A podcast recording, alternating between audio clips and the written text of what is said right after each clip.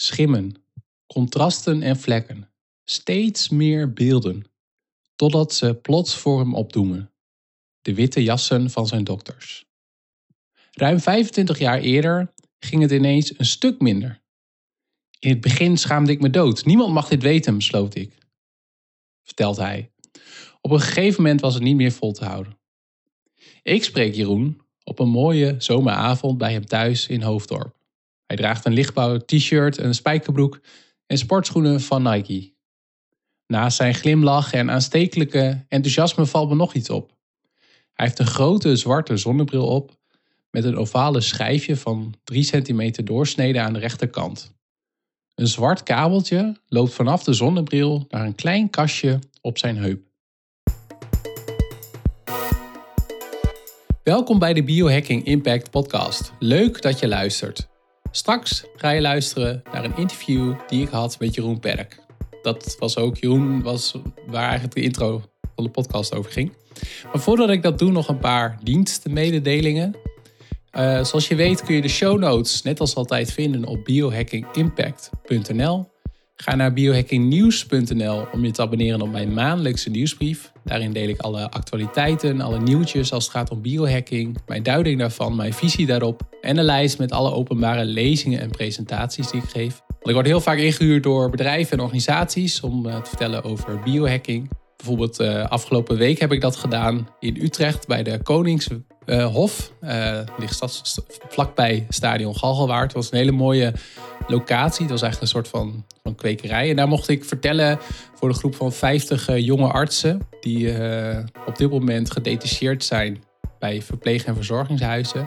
En het thema van hun bijeenkomst was ook Dr. Anders. Dus ik vertelde daar over biohacking. En nou, dat was hartstikke leuk. Omdat ik, tenminste wat ik terugkreeg, ik dat, dat ik hen op een andere manier naar de gezondheidszorg laat kijken. Want biohacking gaat vooral over dat er ja, methoden, technieken worden ontwikkeld in de zorg om mensen te helpen. En wat gebeurt er dan? En wat voor ethische vragen komen erop als er mensen gaan, ja, die technieken gaan gebruiken om zichzelf nog meer te verbeteren? Dus ik vond het ook heel leuk om daar met die jonge dokters over in gesprek te gaan.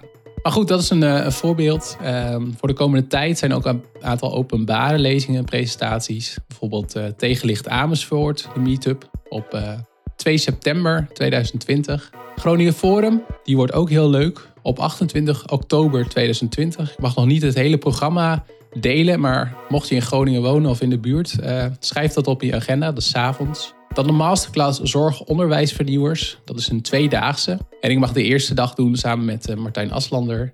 Uh, dat is op 7 november 2020 in Bunnik. Dan de Brave New World conferentie op 9 en 10 november 2020 in Leiden. Daar heb ik ook al onwijs veel zin in. Ik ben, ga al jaren naar die conferentie. En elke keer hoop ik van, nou, ik zou daar ook al een keer willen spreken. Nou ja, dit jaar is het gelukt. Dus daar heb ik heel veel zin in. Dus kom vooral naar Brave New World. Het zijn altijd hele goede sprekers. En dat zeg ik niet omdat ik dit jaar zelf spreek. Um, maar dat vind ik echt een van de beste conferenties in Nederland. en dan nog de Biohacker Summit. En dan heb ik het over 7 en 8 mei 2021 in Amsterdam. Ga ook naar supermensboek.nl. Dus je gaat als het goed is al naar biohackingnieuws.nl, maar supermensboek.nl. Uh, daarin kun je je inschrijven, je e-mailadres achterlaten. Uh, en dan stuur ik je af en toe updates over hoe het gaat met mijn boek. Uh, mijn boek Supermens komt uit eind oktober, begin november. En wil je nou weten hoe dat, ja, wat er aan de achterkant gebeurt? Ik deel ook af en toe wat via Instagram. Um, van de interviews die ik voer, hoe het ook gaat met het schrijven, um, hoe ver ik ben, waar ik tegenaan loop, wat goed gaat en minder goed gaat. Nou, als je dat allemaal benieuwd naar bent, um, nou, volg mij op social media of ga naar supermensboek.nl en dan krijg je ook te horen uh, wanneer die uitkomt, um, nou ja, wanneer je het kan kopen en wat er nog meer gebeurt.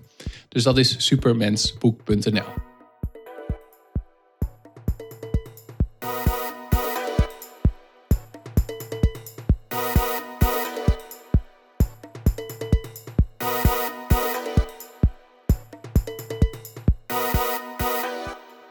Jeroen en de witte jassen. Dat is hoofdstuk 7 in mijn boek Supermens. Dus dit is ook een aflevering, zoals je al hebt gezien in de titel van deze podcast, binnen de Supermens-serie. Dus het zijn een aantal podcast die ik maak. Naar aanleiding van gesprekken, interviews die ik heb gehouden met uh, ervaringsdeskundigen of met wetenschappers. Die aansluiten bij een hoofdstuk in mijn boek. En het hoofdstuk Jeroen en de Witte Jassen gaat dus over Jeroen Perk, waar je zo meteen een interview mee gaat horen. Um, dat ik onlangs nog met hem heb gevoerd. Het was een warme zomeravonddag, um, denk een paar weken geleden, dat ik dus bij hem was in Hoofddorp. En wat bijzonder is aan, uh, aan het verhaal van Jeroen, is, uh, dat zal hij zo meteen ook uitleggen, dat, dat hij op zijn achttiende was hij al ongeveer 80 tot 90 procent van zijn zicht kwijt.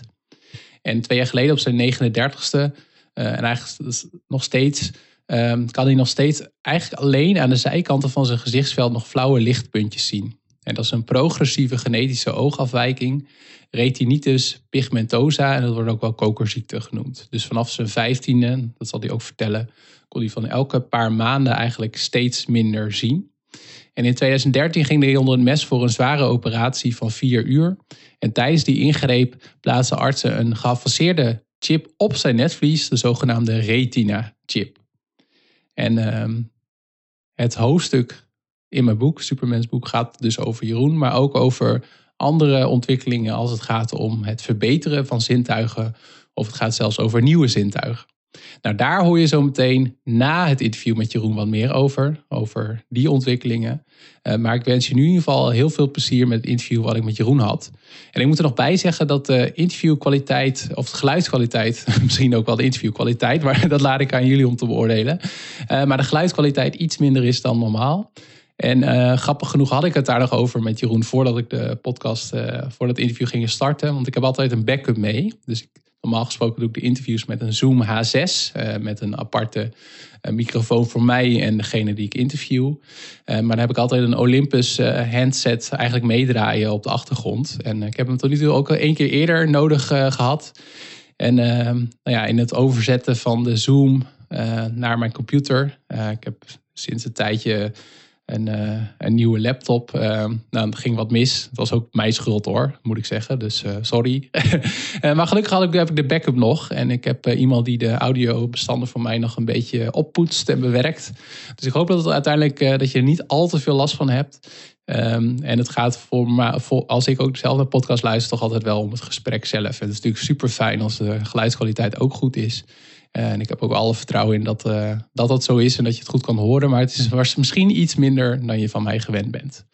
Nou, in ieder geval veel plezier met het luisteren van uh, mijn gesprek met Jeroen. En daarna kom ik nog weer even bij je terug. Jeroen Perk, leuk om je vandaag uh, te spreken. Ehm, jij hebt last van, en ik heb het even opgeschreven, retinitis pigmentosa. Ja, een hele lastige naam, retinitis ja. pigmentosa. Wat is dat? ja, ook wel in de volksmond kokersziekte genoemd. Ja, dat betekent dat, uh, dat, ja, dat, dat eigenlijk alles wat in het gezichtsveld zit, dat dat gewoon vernietigd wordt. En uh, de kegeltjes en de staafjes waarmee je ziet. En um, het begint met eigenlijk met uh, nachtblindheid, dus dat je niet goed in het donker kan zien.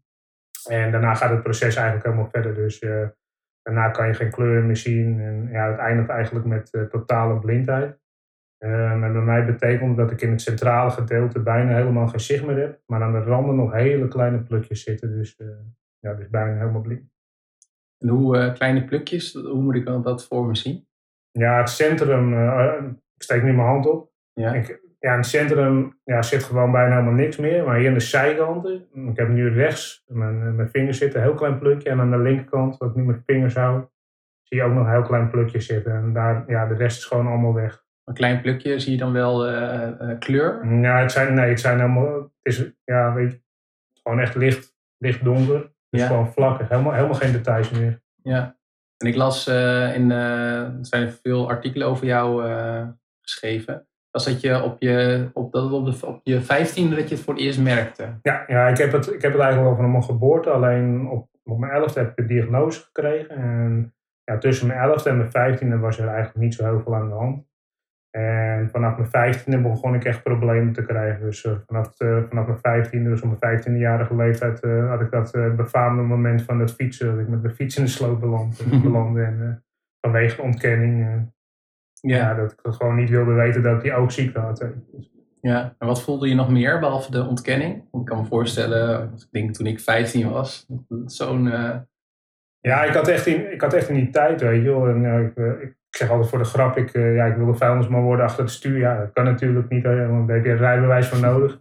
Ik speelde in die tijd speelde ik waterpolo. En ja, dat, uh, ja, ik kon die bal gewoon niet meer volgen. Ik wilde echt een ster in worden. Ja, uh, als je niet kan zien, kan je die bal niet volgen. Dus dan heb je gewoon het overzicht niet. Dus dat was echt lastig. Ja. ja, het allerbelangrijkste natuurlijk in je puberteit is dat je, dat je achter de meiden aan wil. Weet je, op schoolfeestjes de mooi boy wil zijn. En ja, dat lukt natuurlijk ook niet. Want je ziet de kleur van het haar niet en het uiterlijk niet. En ja, dat is echt is echt wel balen gewoon. Dus ja, zeker in die puberteit, weet je, wil je gewoon alles kunnen doen. Dus, ja. dus dat gevoel, dat was uh, ja. heftig. En toen was het het moment dat je de sloot in uh, fietste. En ja. toen was het van, uh, van, oh shit, een soort van acceptatie? Of, was het... Nee, toen nog niet, want ik wilde eigenlijk gewoon door. Maar eigenlijk hebben mijn ouders toen verboden van, hé, hey, je mag niet meer, niet meer op die fiets stappen, weet je. Dus ja, dat was wel echt gewoon een heel verdrietig moment. Gewoon echt huilen en, en balen ook gewoon. Ja, dan moet je gaan toegeven van, hé, hey, je kan het niet meer. En je kan het gewoon niet meer zien. En, Ja. en op het moment van, hé, hey, En hoe, ehm, want hoe, want je had net uitgelegd hoe het nu is. Want op je vijftiende, hoe was dat toen, je zicht? Ja, toen nog wel redelijk goed. En ehm, ja, weet je, in dat stukje tot mijn achttiende ja, was, het, was het redelijk. Eh, ik weet nog wel ik op de MAVO had ik grote letterboeken, weet je wel, die je kon gebruiken. En nou, toen in mijn mbo-tijd werd het al wat minder. En tussen mijn achttiende en negentiende ben ik, eh, denk ik, 80 tot 90 procent van mijn zicht gewoon verloren. Oh, is dat normaal voor deze ziekte dat dat dan zo snel gaat? Of Nee, want je hebt dat, eigenlijk eh, veel verschillende vormen van, eh, van RP. Dus de afkorting van retinitis pigmentosa. En er zijn heel veel vormen van. En ja, ik had eh, ja, eh, eh, het ongeluk dat ik een hele progressieve vorm had van RP. Die heel snel gaat. Dus, eh, Ja, en, dat ik een, en dat ik een man ben. Want bij vrouwen, ja, die hebben het voordeel dat het nog ietsje langzamer gaat. Dus ik was en een man en ik had een hele progressieve vorm. eh. ja. En is het een erfelijke ziekte? Ja. Oké. ja, retinitis pigmentosa is erfelijk. En het kan voorkomen dat, eh, dat je de eerste bent in de familie. Dus dan zijn je ouders allebei drager van, dat, eh, van die ziekte. Maar het kan ook zo zijn dat er andere mensen in de familie het hebben. Dus er zijn, ja, er zijn gezinnen waar bijvoorbeeld drie of vier kinderen het gewoon hebben. En bij jou? Al ik, die ben de, ouders? nou, ik ben de eerste. Jij bent de eerste. Ja, dus mijn ouders ouders zijn allebei drager van die ook. Ja, allebei recessief. eh, Ja, ja. ja. En ehm, hoe gaat het dan als je, eh, want dan ehm, begin je dan ook met lessen breien en, en dat soort dingen? Of krijg je dan ook een blinde geleidehond? Nee, in eerste instantie eh, heb ik, het, heb ik het ontkend en ik was gewoon echt heel verdrietig over. Er zit een soort rouwproces. Ja. En ehm, ja, op een gegeven, op een gegeven moment eh, ontdekten, we, ontdekten we de Cuba-therapie. En eh, ja, therapie die, die uiteindelijk niet eh, zou blijken te helpen. Maar er gebeurde daar wel iets, weet je wel. Die therapie, die, ja, die, ja, dat was eigenlijk helemaal niks. Wat was dat dan? Ja, het was een, ja, een soort, ja, wat, wat ze daar deden is, ze draaiden het oog. Ja. En dan hadden ze een soort gestelde flap die ze gingen inbrengen. En, waardoor ze weer nieuwe bloedvaten gingen creëren. Dus Ah, het is wel een echte operatie. ja, het was wel een echte operatie. Dus dat gebeurde. En daarnaast had je dus eh, elektrotherapie. Dus je kreeg een band om je hoofd en om je voeten. En dan gingen ze ja, proberen om, eh, om elektrische straling toe, eh, toe te dienen. Dat klinkt wel heel ouderwets. toch? Ouderwets, ja, Ja. zeker. Een beetje Russisch-achtig. Ja. echt, echt Cubaans-achtig. En je kreeg ozoontherapie. Dus, eh, dus dan werd er bloed afgenomen en dan werd er ozon terug, teruggespoten in je bloed. Ja, en dat had eigenlijk. Want ik heb, kijken, tot een half jaar na die therapie, eh, ik kwam terug in Nederland, ik denk een half jaar nou, goed, ge- goed heb gezien. Eh, had ik echt wel progressie. Maar daarna ging het gewoon bergafwaarts. eh ging me echt slecht. Hmm. Dus Ja. dat was, ja, dat was, eh, was ook wel balen. Alleen, ja, we waren daar met meerdere mensen en er gebeurde daar wat. Ik raakte in gesprek met mensen die ja, op dat moment slechter zicht hadden dan ik. Was het ook echt in Cuba? Of- Ja, het was in Havana. Oh. Het was midden in Havana, in het centrum. Er zat echt een kliniek, een privékliniek met bewaking voor de deur. En alles erop en eraan. eh, Weet je wel, Oh. medisch was alles goed. Eh, de nieuwste medische apparatuur. En, eh, ja, dus dat, eh, maar ik kwam in contact met mensen daar die, ja, die hadden gewoon een baan en een, en een sociaal leven. Dus ik ging me eigenlijk een beetje aan een spiegel. Dus het was eigenlijk ook een moment dat ik dacht van... Hé, hey, als die therapie nou niet gaat lukken, dan ja, kan ik misschien nog wel iets anders in het leven, weet je wel. Dus ik denk, ja, misschien kan ik ook wel een baan krijgen, een sociaal leven. Dus zo ging ik terug naar Nederland. Hoe oud was je toen? Nou, weet ik niet meer. Dat is wel een hele poos geleden. Dus eh, ik denk een hele poos. eh. Ja, maar je, zat nog, je was klaar met school en je zat... Ja, ik denk dat.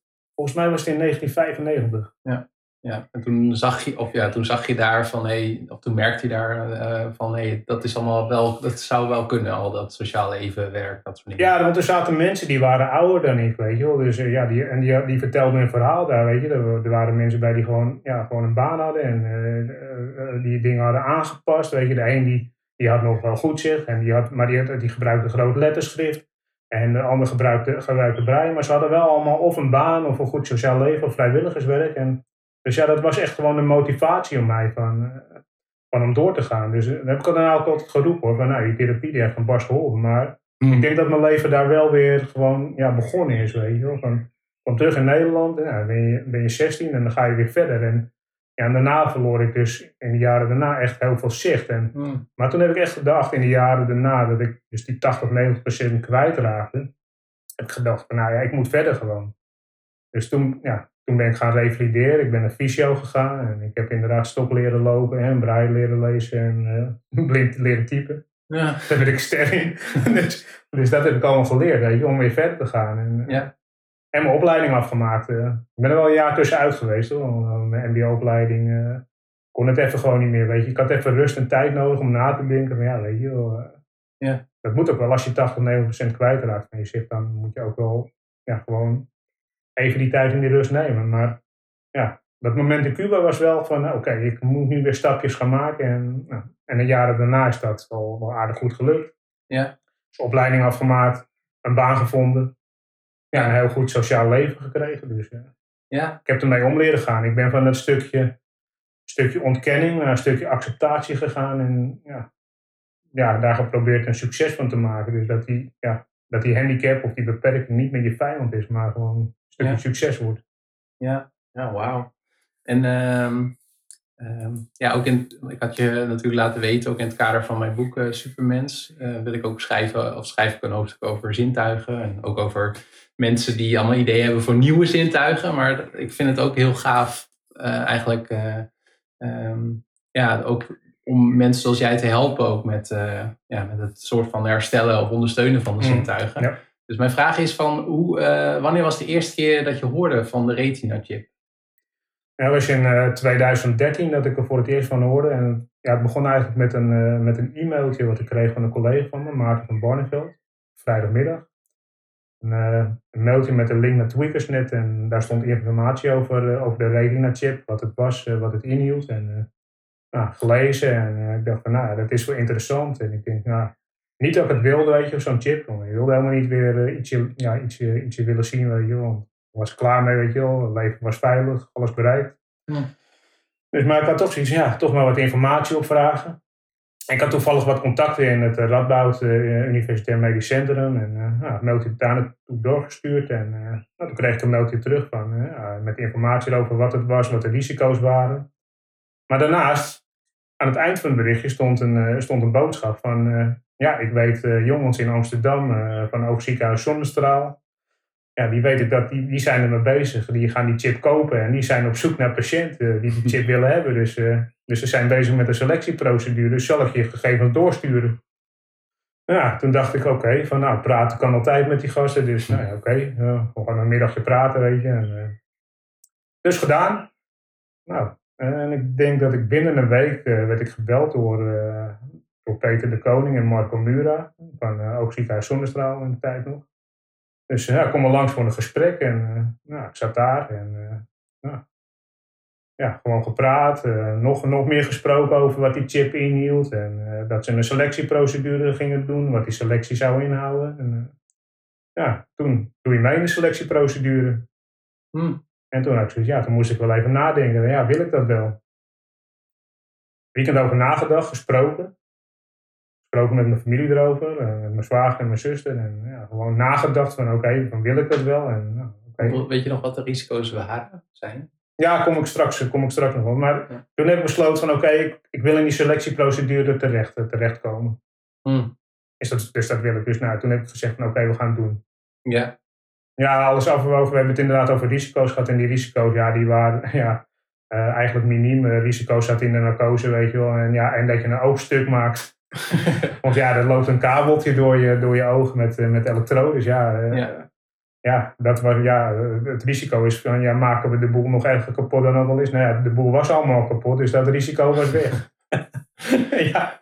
En hoe, ziet, hoe zat de selectie eruit?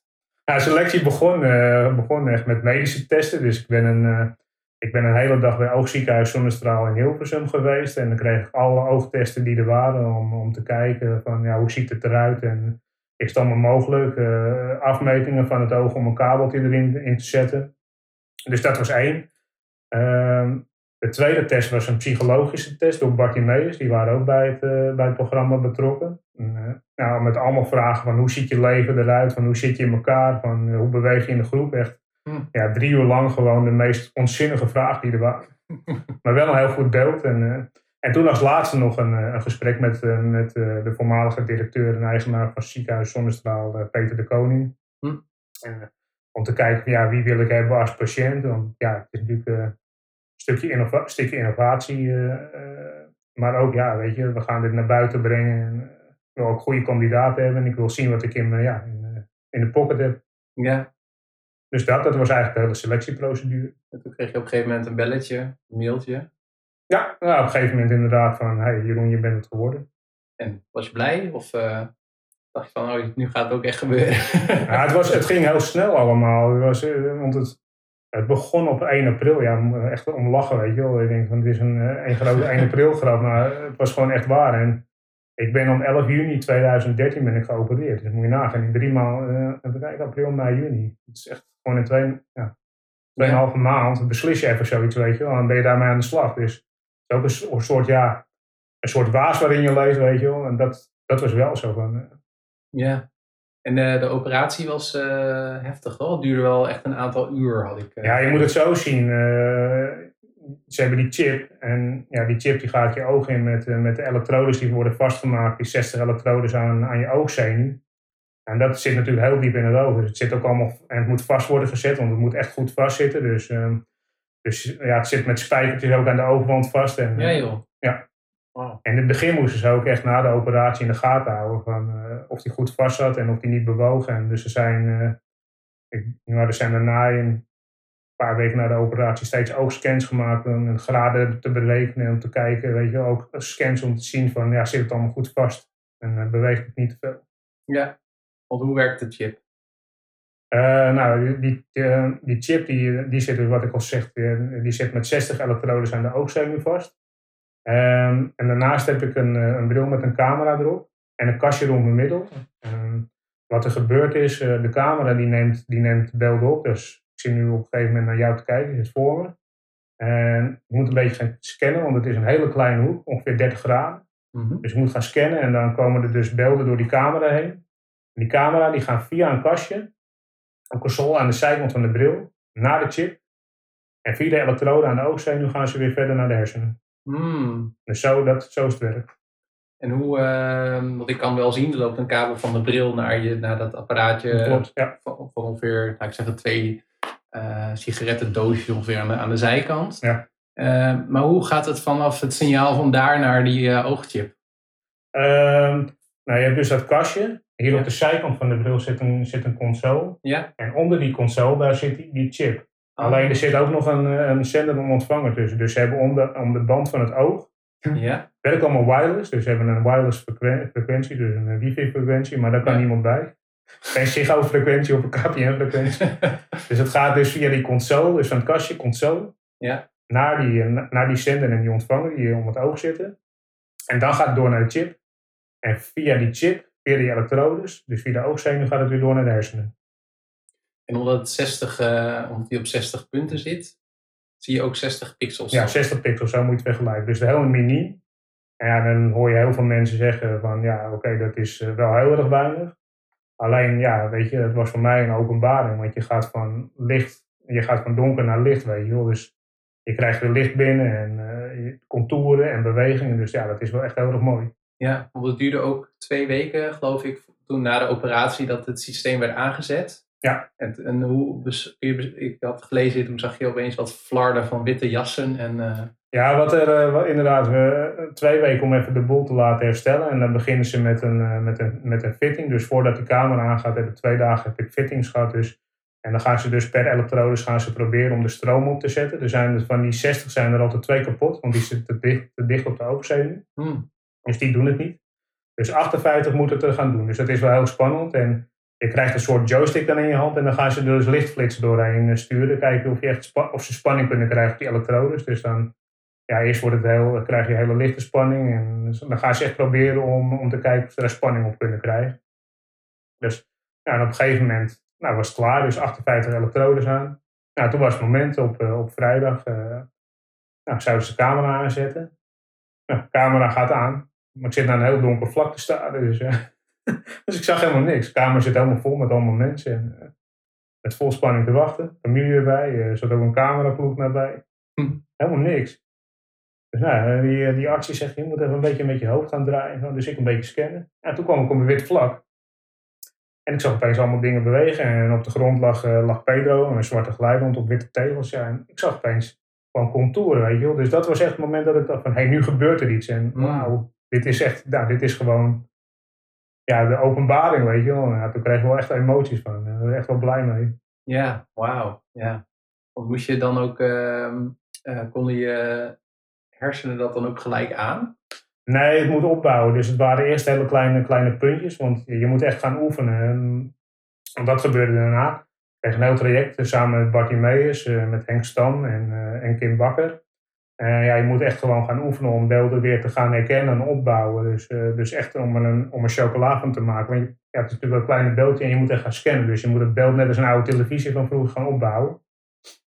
Dus ja, we hebben eerst zijn begonnen met het, eh, met het scannen op een, eh, op een magne- magneetbord.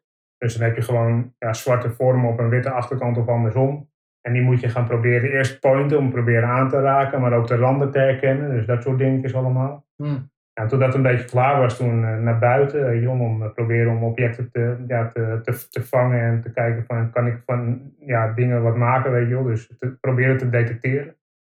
Ja. Ja, en Dus nu, dat- nu ben je ook nog steeds aan het scannen? Of, eh, Ja, we zitten alleen nu aan de grens, weet je wel. Van, ja, je hebt, er is een bepaald percentage van die, ja, die elektrodes, die werken gewoon allemaal, die 58. Maar we hebben de grens bereikt, de hersenen zijn er helemaal aan gewend. Dus eh, ik, kan, ik kan niet meer over in het zicht wat ik nu heb. nee. In 2013, dus eh, nu zeven jaar Ja. geleden, moet, Ja. die, eh, moet die chip er af en toe uit voor onderhoud? Hoe werkt dat?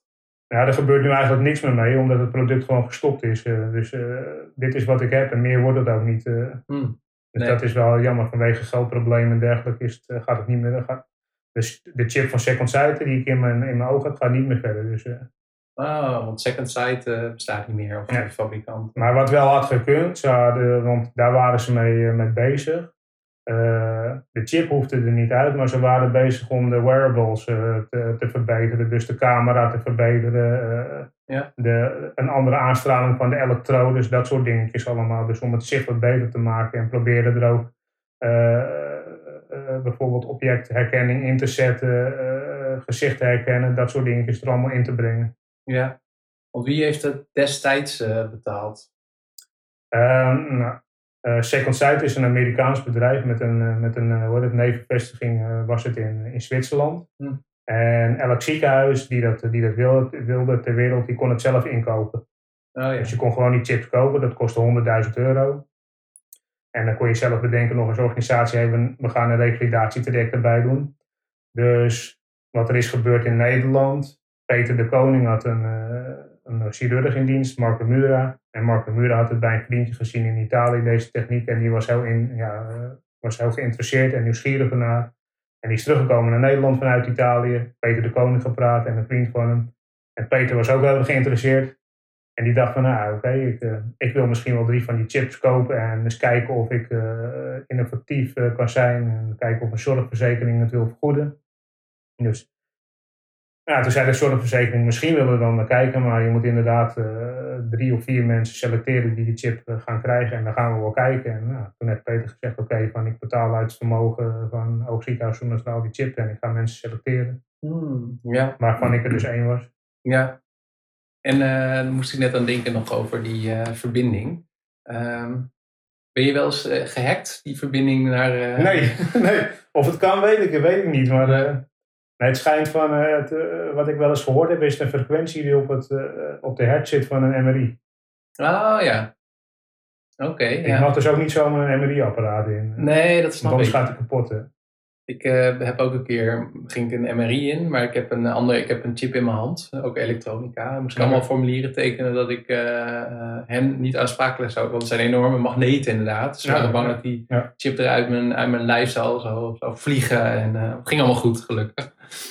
Eh, maar ik ken ook het verhaal van, eh, daar hadden we het net over, over Neil Harbinson, zo'n eh Ja. cyborgkunstenaar die Ja. kleuren kan horen. Ja. Maar die heeft, heeft wel eens verteld dat hij wel eens wordt gehackt. Maar in zijn geval was het niet zo erg, want dan hoorde hij alleen maar bepaalde tonen. In jouw geval kan ik me ook wel voorstellen van, nou, het is heel vervelend, maar ook niet per se levensbedreigend. Maar ik vroeg het me gewoon af. Ja, Ja, ik- ja, het enige wat er gebeurt is dan inderdaad van, eh, van dat je inderdaad eh, misschien de data kwijt bent. Eh, er, wordt wel, er wordt wel data geregistreerd met, die, met dat kastje wat ik heb, maar er is data gewoon inderdaad van wanneer het systeem aanstaat en, aanstaat en uitstaat. En, Ja. Maar verder geen, geen andere rare dingen of zo. Ja, Nee. als je wordt is denk ik je beeld gewoon weg. ja precies. Maar ergens, ik heb in, voor het hoofdstuk ook, eh, schrijf ik ook over Neil Harbinson, maar ook over Jens Nauman. Ik denk dat je hem zijn naam ook ja, wel kent. ja, die heb ik ook ontmoet. Oh, die heb je ook ontmoet. Ja. Ja. Die was eigenlijk patient zero, hè? de eerste persoon met een eh, ander type chip. Ja, een hersenchip inderdaad. Een hersenchip, ja. Maar dat vond ik wel ergens sneu, want hij, eh, ja, die William Dobell, die hem had geopereerd, die overleed nogal vlug. En toen werd, die, werd dat project ook gestopt. Ja. Eh, en ik had ook gelezen dat niemand eigenlijk ook goed weet hoe ze nou die configuratie van die eh implantaat hebben gedaan. Dus hij loopt eigenlijk met, ja, met iets rond. Waar, ja, maar dan vraag is dat je er later misschien wel weer wat op kan aansluiten. Ja, maar het zijn wel, eh, en dat is, dat is wel mooi, hij is wel de pionier, weet je wel. Want dat, dat vind ik ook mooi bij mezelf. Ik ben ook, Ja. een, ook een pionier, weet je wel. Want ja, ik ben het ook gestart. En ja, het is misschien straks zo dat dit gewoon stopt. En er zit inderdaad ook een, ja, als mijn, als mijn equipment er nu mee ophoudt, die, die camera en het kastje, ja, dan heb ik geen achtervang meer. Ja, er zit er gewoon een chip in mijn hoofd. Maar oké, maar dan hebben we wel, zeven jaar hebben we het geluk ervan gehad. En ik heb dingen, dingen gedaan die ik anders nooit zou, eh, zou eh, kunnen doen, weet je. Ik heb mensen ontmoet die ik anders nooit had ontmoet. Dus weet je, dat is, dat is wel, en we hebben gepioneerd. En dat heeft Jens, want ik heb hem ook gesproken, dat is, dat is dus het feit, ja, zijn leven is gewoon ook zonder dat hij kan zien, ja, hartstikke goed, weet je. Maar hij is wel die pionier geweest en hij geeft dus nu over, want ik heb hem ontmoet bij, bij Pieter Roelsema van het Nederlands Herseninstituut. Ja, die zijn natuurlijk ook met zo'n project bezig. En, eh, dus ja, weet je, hij steekt, hij steekt net, als, net als ik, steekt hij die mensen ook weer aan, weet je wel. Van, hey, die, hij geeft zijn pionierschap weer over op iemand anders. Die Ja. weer met die passie aan de slag gaan om die mensen te gaan helpen. Ja, ja, nee, dat is wel fantastisch inderdaad. Ja, hoe sneu het ook is, want het is ook sneu, weet je Ja. wel. Je gaat ergens gewoon voor en ja dan, dan, ja, dan is het er straks niet meer. En als je er helemaal aan geroken hebt, ja, dan wil je verder. Ja, maar de ontwikkelingen op dit gebied gaan inderdaad ook gewoon door. Ja. Is het straks niet zo, ik, misschien een domme vraag hoor, maar die chip zit nu in je rechter of linker oog. Dat als er straks een nieuwe versie is, dat ze dat gewoon in de andere oog van jou doen. Of Ja. dat kan er niet. Ja, ja, zeker. Ja, maar goed, dat, eh, dat is ook inderdaad van wat ik hoop wat er gaat gebeuren in de toekomst. Weet je wel, dat je inderdaad. Er zit nu in één, één oog zit een chipje, maar hij zou in een andere oog kunnen. Maar hij kan ook in de hersenen komen. Hè, om- Ja. De visuele cortex, dat was toch ook Ja. bij eh, Jens zo. Ja. Ja. ja. Want ehm, eh, ja, volg je die ontwikkeling op de voet? Of is het meer dat je af en toe wat hoort van... eh, Nee, ik volg het wel, volg het wel op, de, op de voet. En ja, er zijn natuurlijk ja, hele mooie projecten ook. En eentje die ik gewoon heel erg volg is Neura Vibra. eh, van, en dat is van, van Pieter Roelsema eh, met het Nederlands Herseninstituut. En die hebben een samenwerking met, eh, met allerlei universiteiten. En hebben ook geld van de Europese Unie nu gekregen eh, om, om te gaan ont- ontwikkelen. Dus een, een hersenchip ontwikkelen. Maar ook met een stuk navigatie erbij, weet je. Dus die gaan in de toekomst, er zijn elektrodes aan het ontwikkelen. En ja, die club is helemaal bezig om, om zo'n hersenchip dan te ontwikkelen. En kijken wat ze daar in de toekomst mee kunnen, weet je. Dus Ja, wauw. om het dan in de hersenen te doen. Ja, ja, en in het vorige gesprek hadden we het over David Eagleman, die ook kijkt naar, kun je misschien via een heleboel trillingen op een vest een soort van die Ja, functie ja. overnemen. Want het, het brein is ook wel weer plastisch, het kan ook wel zich eh, wel weer aanpassen misschien. Eh, ja.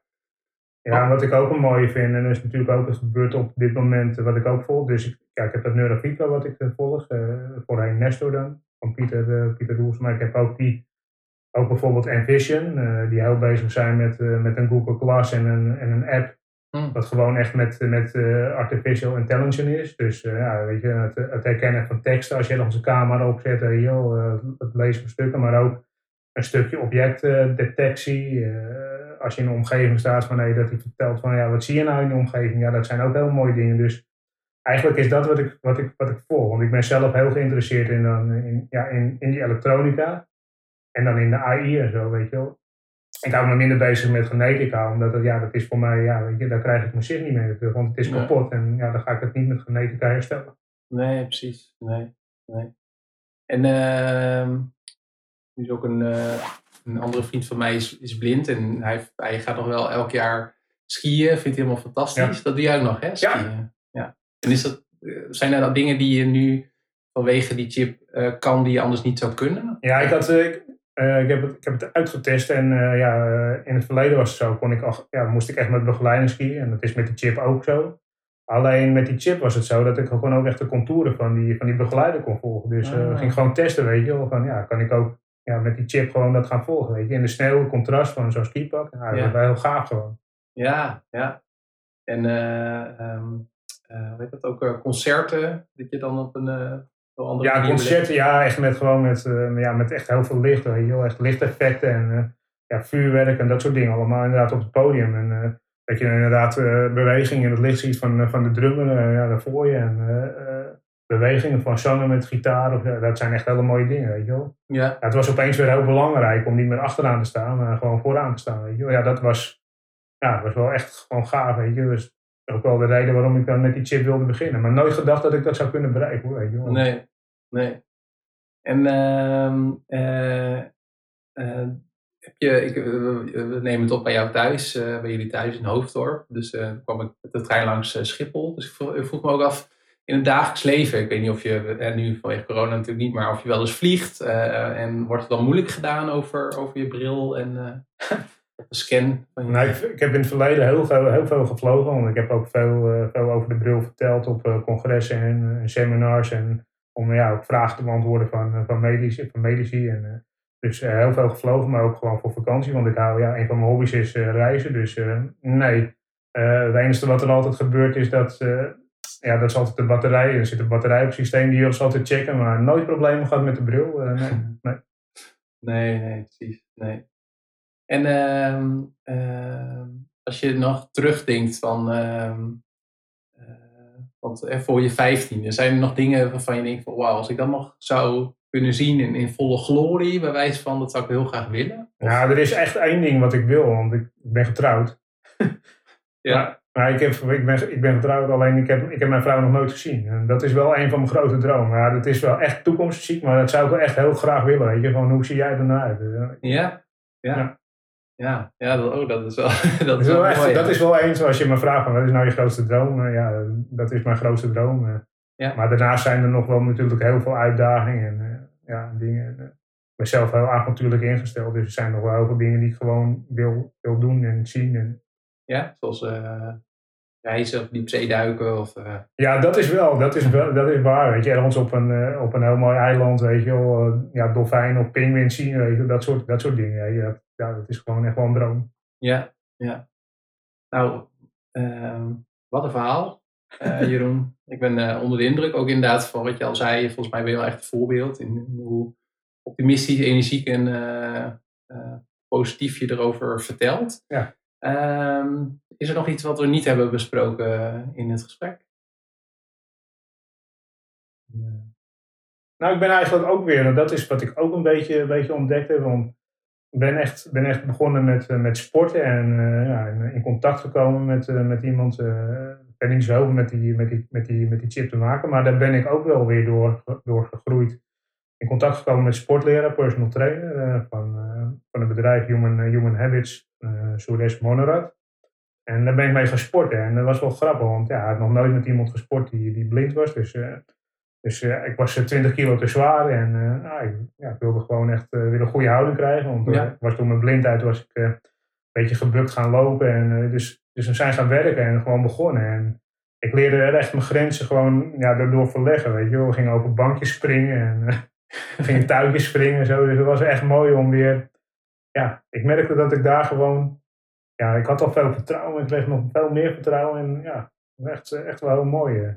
Ja, ja. Ja, ik heb volgens mij ook online van die filmpjes gezien. Dat is wel, wel tof. Om, wel gaaf omdat je dat zo kan doen. Ja. ja. ja. Nou, mooi, Jeroen. bedankt voor, voor je gesprek. En ehm, nou ja, we zullen zien waar deze retina-chip en haar opvolgers, waar ons dat brengt de komende jaren. Ja, ja ik ben heel benieuwd. Ja.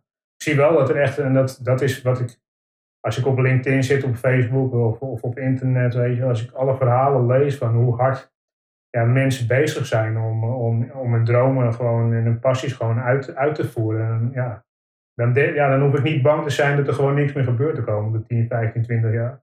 Nee, Ik ben ervan overtuigd dat ik, dat ik er toch nog wel wat stukjes bij krijg. En het hoeft niet gelijk met 50, 60 procent, maar wel gewoon weer een volgend stapje, weet je wel. Van, eh, van, van die contouren, van die beweging naar iets, ietsje meer, weet je wel. Ja, ja.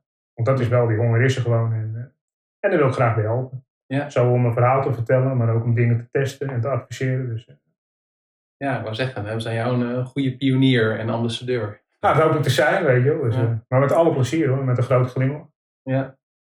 Hartstikke leuk. Dankjewel ja. Jeroen voor dit gesprek. Wat Jeroen heeft meegemaakt staat natuurlijk niet op zichzelf. En je hebt al wel gehoord in het gesprek, we hebben het onder meer ook over Jens Nauman. Dat was eigenlijk patient alpha.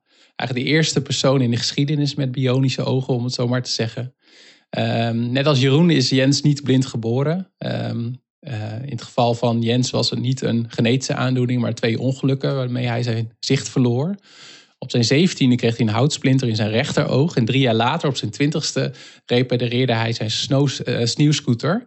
En een stuk metaal vloog in zijn rechteroog en hij was volledig blind.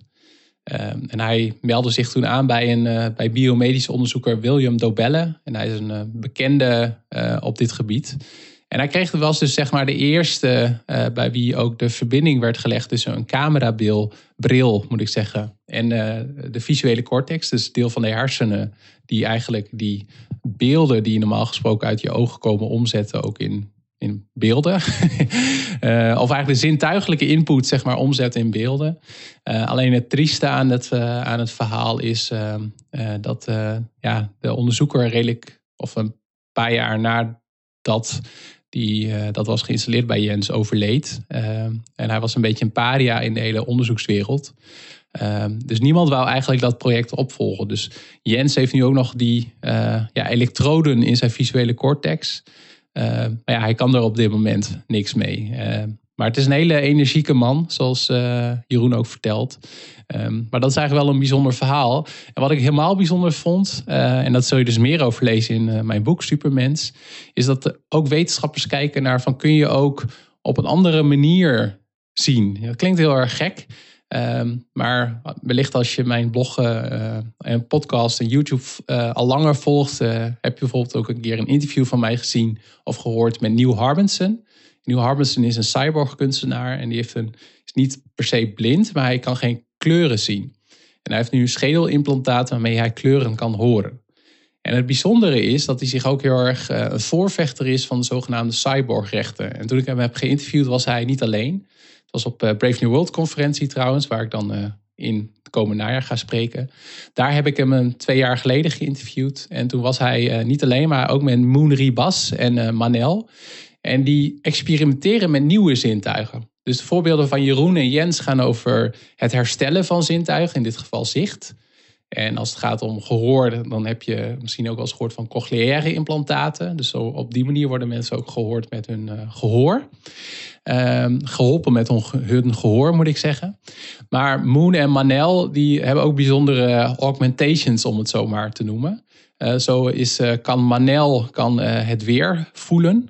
En de luchtvochtigheid en ook de temperatuur. hij heeft een soort van ja, elektrodes, soort van sensoren. Nee, ja, een soort van elektrodes achter zijn oren zitten. Het ziet er net uit of hij een soort van konijnenoren heeft. En Moon is ook een bijzondere kunstenares in dat opzicht. Zij heeft stijlblond haar. Toen ik haar interviewde, een grote ogen. En ze vertelde over een sensor die trilt in haar elleboog als er ergens op aarde een aardbeving is. Dus die sensor is verbonden aan haar mobiele telefoon. Die mobiele telefoon is verbonden aan alle online seismografen in de wereld. En die sensor die trilt ook in verschillende niveaus, afhankelijk van de intensiteit van de trilling. En zij maakt ook daar een dansvoorstelling van, dat heet Waiting for Earthquakes. En zij danst ook alleen als ze iets voelt. Dus als er ergens op aarde een aardbeving is en ook afhankelijk van de intensiteit. Dus het kan ook zo zijn dat je naar een voorstelling van haar gaat en dat er gewoon niks gebeurt, omdat het op dat moment geen aardbeving is. Dus dat is wel een heel bijzonder verhaal. En het andere bijzonder verhaal waar ik over schrijf is eigenlijk het werk van David Eagleman. En aardig is dat ik hier ook contact over heb gehad eh, met Marnix Kluiters. Uh, Marnix is een, eh, een vriend van, van mij. en ik ken hem van de mastermind groep waar we in hebben gezeten. En Marnix is, ehm, is ook blind geworden op een gegeven moment. Niet door dezelfde aandoening als die Jeroen heeft, maar een andere. Uh, ik heb me ook met hem gehad over eigenlijk de retina-chip van, uh, van Jeroen. Uh, maar dat werkt bij hem niet, omdat die kabel eigenlijk van, ja, van, de, van het oog naar de hersenen bij Marnix kapot is. Marnix maakt trouwens even tussendoor ook zelf een podcast, project Ecosofie. Dus luister daarna, ook als je geïnteresseerd bent in, in duurzaamheid. Ik kan dat van harte aanbevelen. Hij heeft ook bijvoorbeeld ook Jan-Peter Balkenende geïnterviewd. En ook uh, Paul Polman. Ik weet niet of ik dat al mag zeggen, maar uh, de oud-CEO van, van Unilever. Um, maar even terugkomen op het werk van David Eagleman. Die kijkt naar zogenaamde zintuigelijke vesten. En hij is al zover dat hij mensen heeft getraind om ook beelden om te zetten naar ja, trillingen in dat vest. Um, dus, um, en dat is heel interessant. En hij bouwt eigenlijk verder op het werk van Paul Bagirita. En die heeft ook bijvoorbeeld gezegd, en dat vind ik een mooie uitspraak. Je ziet niet met je ogen, je ziet met je brein. Dus je brein is plastisch of flexibel. Dus die kan zich aanpassen aan ja, nieuwe input. Dus in het brein kun je niet zien of een bepaald signaal, of dat nou uh, gehoor is, of dat zicht is, of dat gevoel is. Dat is, dat is daar allemaal hetzelfde. Alleen het, de hersenen die zijn zo ja, uh, super uh, eigenlijk dat ze weten hoe ze daarmee moeten omgaan. Dus, een, uh, dus dat zintuigelijke vest heb je, brainport heb je. Dat zijn eigenlijk is een soort van lolly die kleine pulsjes afgeeft. En op die manier zeg maar ook um, beelden omzet in ja, ervaringen. Dus je kan dan aan de hand van een lolly kun je dan soort van zien. Um, en Erik Weijenmeijer is eigenlijk de eerste is een persoon die dat gebruikt. En hij was ook de eerste blinde persoon die de Mount Everest heeft geklommen. En die gebruikt dat uh, al, uh, al jaren. Dus dat zijn een paar voorbeelden. Ik schrijf ook nog over iemand die een nieuw zintuig wil ontwikkelen om altijd het noorden te voelen. Uh, bijvoorbeeld. en ook wat de achtergrond daarvan is. Dat is ook heel bijzonder.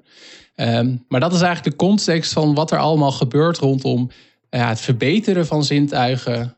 En ook eigenlijk het upgraden van zintuigen. En als je daar meer over wil weten, kun je dat straks lezen in hoofdstuk 7 van mijn boek Supermens.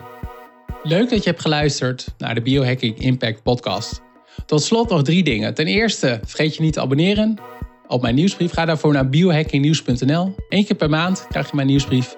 En daarin alle actualiteiten uh, rondom biohacking, mijn visie daarop, mijn duiding daarvan en ook een lijstje met alle openbare lezingen en presentaties die ik geef. En op biohackingnieuws.nl kun je ook oude edities teruglezen. Dus kun je eerst checken of je dat vindt. En uh, nou ja, als je het leuk vindt kun je ook gewoon alleen je e-mailadres achterlaten en vanaf dat moment krijg je mijn nieuwsbrief. Ga ook uh, daarna, als je toch achter de computer of op je mobiel zit, naar supermensboek.nl.